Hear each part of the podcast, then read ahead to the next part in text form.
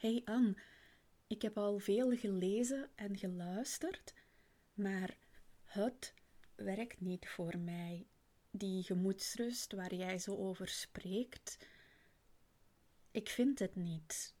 Ik blijf frustratie, machteloosheid voelen, angst, twijfel, iedere dag. Ik krijg soms deze vraag in mijn mailbox en daar zitten verschillende kuilen bij waar je dan mogelijk in terechtkomt. En een van die kuilen is dat je nog harder jouw best gaat doen, dat je nog meer gaat inzetten.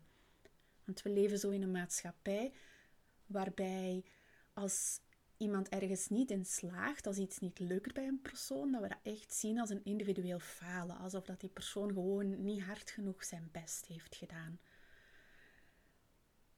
De kwestie is, het is, ja, het is ingewikkelder dan dat. Hè? Dus het ligt niet aan jou um, dat jij je best niet doet. Een andere kuil waar je mogelijk dan in terechtkomt als je merkt van het werkt niet, is dat je het opgeeft. En dat je in die, in die put blijft zitten, met als gevolg ja, dat er wel wat bitterheid kan komen. Nu, ik heb wel de ervaring dat niemand dit alleen kan in een complexe scheiding.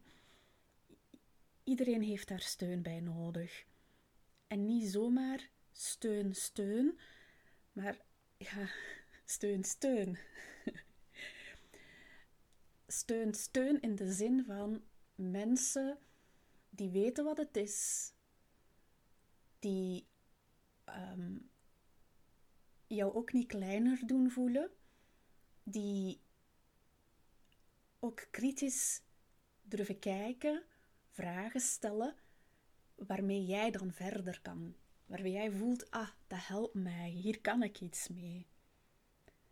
Eh, ja, kritische vragen die met momenten wel confronterend kunnen zijn, maar niet confronterend in de zin dat je je kleiner voelt achteraf, maar dat je voelt van ja, dat is het, hier kan ik iets mee. Dat is wat ik in de vorige aflevering ook heb benoemd met die reflectie. Dus als je denkt van, waar heeft Anne het nu over? Kijk dan eens, uh, luister dan eens naar de vorige aflevering. Op je eentje draai je vaak in dezelfde cirkeltjes. En je kan dan wel eens dat cirkeltje een klein beetje anders maken. Ehm, maar die zullen, je zal zo dezelfde cirkeltjes blijven draaien. En als dat niet werkt, dan is dat kei frustrerend. Want je doet, je doet zoveel. En dan komt het niet. Hè? Die rust. Dus ja, mijn ervaring is: niemand kan dit alleen. En je moet echt helemaal out of the box gaan denken. Niet een klein beetje, niet zo'n tikkeltje, maar echt gewoon out of the box. Denken, maar niet alleen denken, want je kan veel lezen en dan nog het niet voelen of niet durven doen. Zo was er een ouder vandaag en um, die was in een uh, heel lastige escalatie terechtgekomen.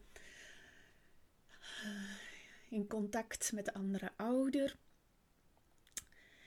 En um, deze ouder zei van, ja, ik heb geen keus, ik moet nu dit doen. Dat is dat cirkeltje. En ja, dan reageren wij en dan reageer ik. En dan zeg ik, ja, je hebt deze, je hebt deze keuzemogelijkheden. Dat, dat en dat. En daarom en daarom. En toen zei ze, ah ja, ja, ik ga toch dat ander doen. Ja, dus wij denken out of the box. Iets wat in de samenleving zouden mensen denken van, allee, dat doet je toch niet? Wij doen out of the box. En we doen dat met een reden. Omdat dat rust brengt. Zo schreef een ouder mij begin januari. Ik had nieuwjaarswensen uitgestuurd. Um, en uh, een van de ouders die, die ik begeleid schreef... Ik vind het raar aan. We zijn al even op pad samen. Ik vind het raar, want ik ben gelukkig. En er is nog altijd heel wat shit gaande. Dat zijn niet haar woorden van die shit, maar um, ik weet niet meer hoe dat ze het zei. Er is, je kan je er iets bij voorstellen bij uh, de shit die gaande is. Er is heel wat shit gaande. En toch ben ik gelukkig. Zou dat nu komen omdat ik aan het stuur sta? Kijk,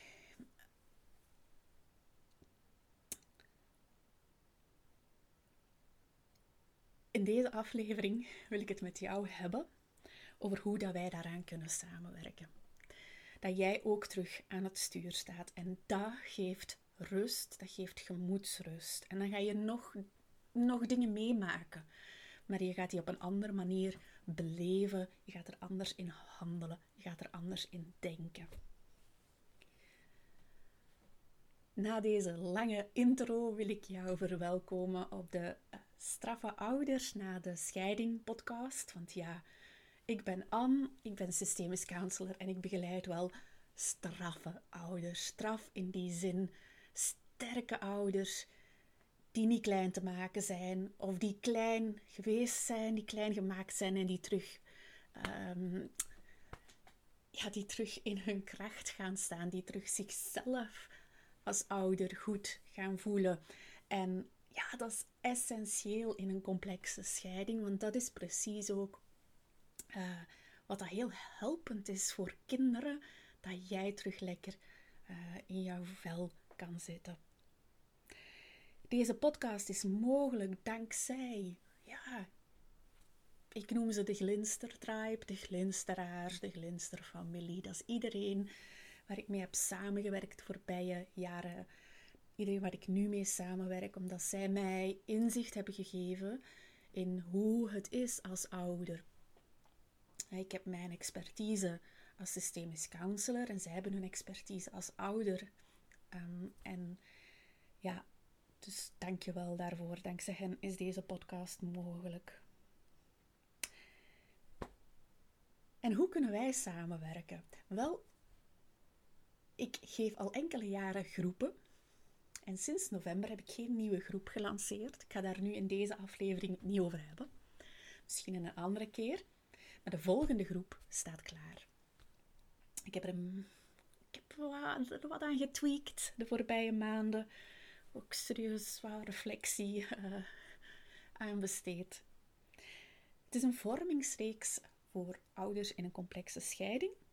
En de bedoeling is dat je als ouder ja, vitamintjes komt opdoen. Vitamine D.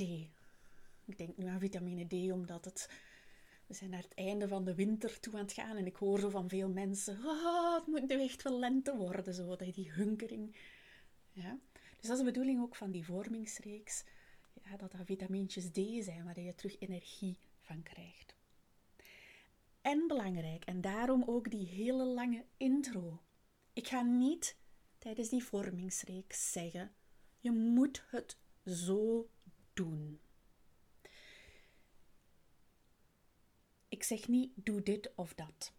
Ja, dus ik heb daar juist ook verteld van twee ouders. Aan hun heb ik ook niet gezegd doe dit of doe dat.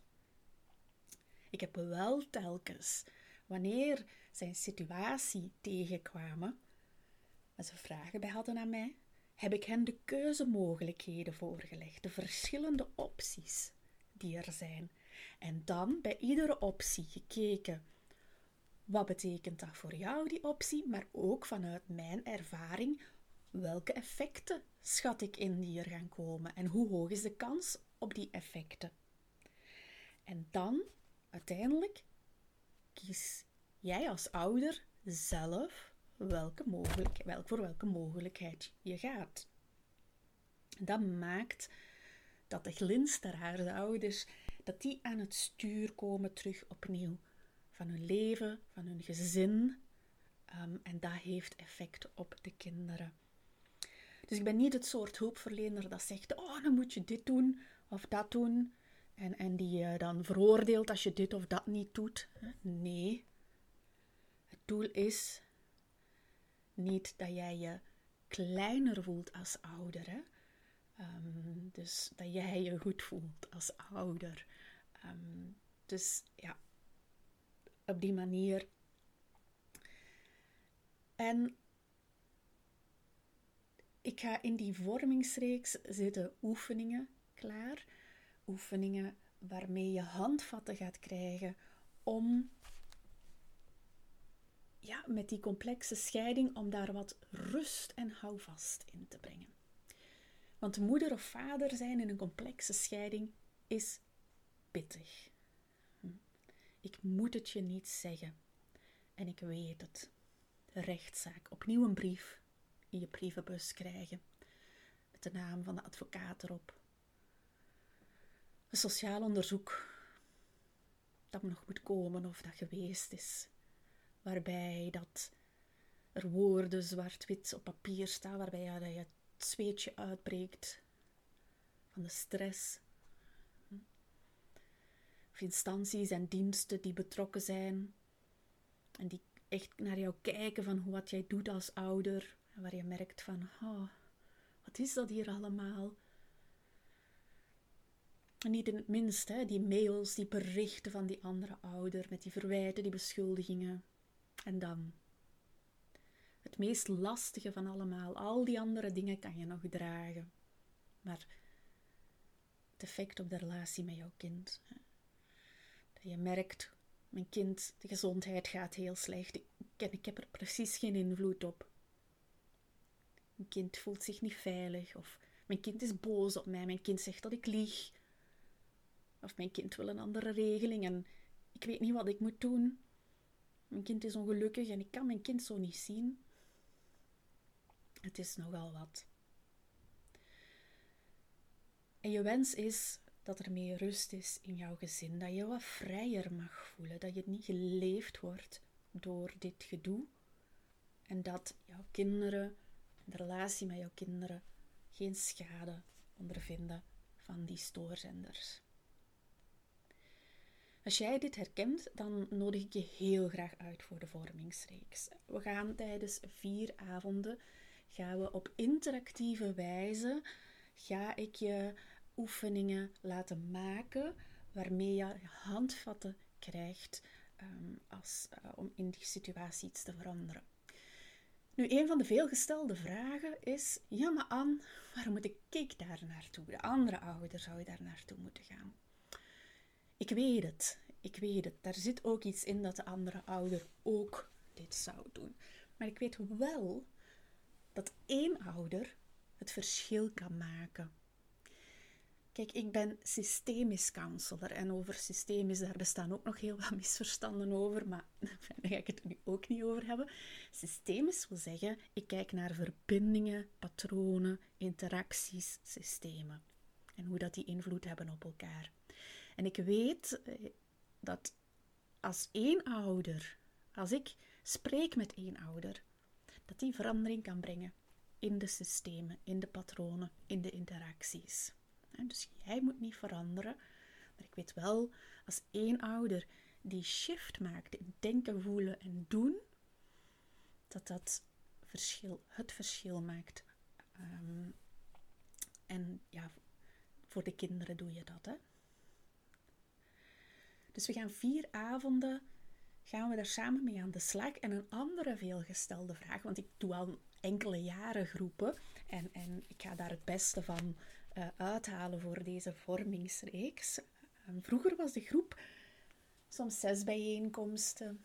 Dus ik heb, ja, ik heb alles wat herschikt op basis van de feedback en de effecten. En een van de vragen die toen gesteld werden was.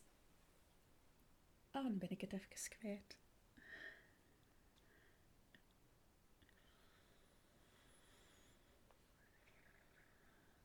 Ja, ik zal, ik zal een andere veelgestelde vraag. Moet ik iets delen? Wel, de vormingsreeks is zo gemaakt dat jij niet moet delen. Dus als jij zegt, ik wil daar niks vertellen over mijn situatie, ik leer meer door te luisteren, um, door eventueel wel een vraag te stellen, maar niet door mijn hele situatie te delen, prima. Op de Glinster Tribe is dat ook. Er zijn een deel heel actieve ouders die veel delen en er is een heel deel ouders ook die gewoon meeluisteren, meekijken um, en zelf innerlijk heel wat doen. Een andere vraag, wat als ik, ja, wat als ik met die verhalen van andere ouders mee naar huis ga? Dat is niet de bedoeling, dat je met de verhalen van andere ouders, dat je die shit ook nog op jou neemt. En ik weet, de ouders die ik begeleid, dat zijn meestal heel gevoelige ouders, um, heel gevoelige mensen die gevoelig in het leven staan en die ook zorgzaam zijn. Dus we dragen daar samen zorg voor dat je niet met de verhalen van anderen naar huis gaat. Dat is niet de bedoeling. De bedoeling is ja, om dat welzijn te gaan oefenen. Ja. Dus we gaan, dat is al een eerste oefening inderdaad, om al die verhalen, om die af te baken, om die niet mee naar huis te nemen. Als de afstand te ver is, het zijn fysieke bijeenkomsten. Dus dat is, het is voor ouders die in de omgeving van Scherpenheuvel, Zichem wonen. Om, ja, het zijn ook vier avonden. En ik verwacht wel dat je de vier avonden ook aanwezig bent. Als je één bijeenkomst zou missen, dat is niet erg, maar dat kan je ook niet inhalen, omdat ik wil ook met een vaste groep werken. Dus we starten de eerste bijeenkomst en we doorlopen samen in een kleine groep de vier bijeenkomsten. Na je inschrijving uh, krijg je een mailtje van mij en dan gaan we praktisch afspreken. We gaan ook één individueel gesprek inplannen voordat de reeks begint. Dus de inschrijvingen die sluiten. Je kan je ten laatste inschrijven op 1 april 2023. Ehm, zodat er ook nog ruimte is voor die individuele gesprekken en uh, dat ik de groep uh, gevormd heb. Aan mijn nieuwe partner, die zegt dat ik eens moet luisteren naar jouw podcast. en eigenlijk is die daar meer mee bezig. Mag die dan ook komen? ik moet een beetje lachen omdat ik dit al vaker ben tegengekomen. Ik overdrijf nu natuurlijk. Um, maar het kan kan zijn hè, dat jouw nieuwe partner of jouw, een van jouw ouders of een goede vriend heel erg betrokken is op jouw situatie en jou wil helpen en dat hij ook nieuwsgierig is, dan is hij ook welkom om mee te komen. Ja? We hebben die mensen nodig. Hè? Zoals ik al zei in het begin, niemand kan dit alleen. Steun is heel welkom. Um, ja, dat was het zo'n beetje voor nu. Ik ga ja, de komende maanden er nog wat meer over vertellen. Uh, je vindt alle informatie. Ja, het is een beetje een lastige link. Ik ga nog een aparte link maken. www.glinster.co slash vormingsreeks. Um, vormingsreeks. Daar vind je alle informatie, praktisch, inhoudelijk en ook de link om je in te schrijven. Dus daar vul je een formulier in met jouw naam, jouw e-mailadres en de naam van de andere ouder. En dan stuur ik jou een mailtje om praktisch af te spreken. Um, ja, voilà. Heb je daar een vraag over? Stuur mij die gewoon door op uh, info.glinster.co. Dan help ik je graag verder. Zeg je, ik twijfel of dat het wel iets voor mij is? Stuur mij jouw vraag gewoon door op info.glinster.co. En dan kijk ik even met jou mee. Zeg je van, oh, ik wil toch eerst...